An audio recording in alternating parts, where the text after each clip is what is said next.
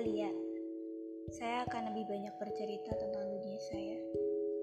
Hal kedua saya, maka dari itu saya namakan podcast ini hal kedua. Karena isinya dan seterusnya pun akan berhubungan dengan dunia saya. Tentang saya, dia. Semoga kalian suka mendengarkannya ya.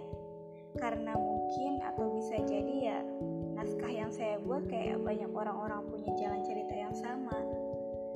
dan permulaan saya lebih ke curhat kalian tentang hal kedua saya dan mungkin akan lebih banyak cerita tentang hal kedua saya yang lebih ke broken heart. Semoga kalian mau denger ya.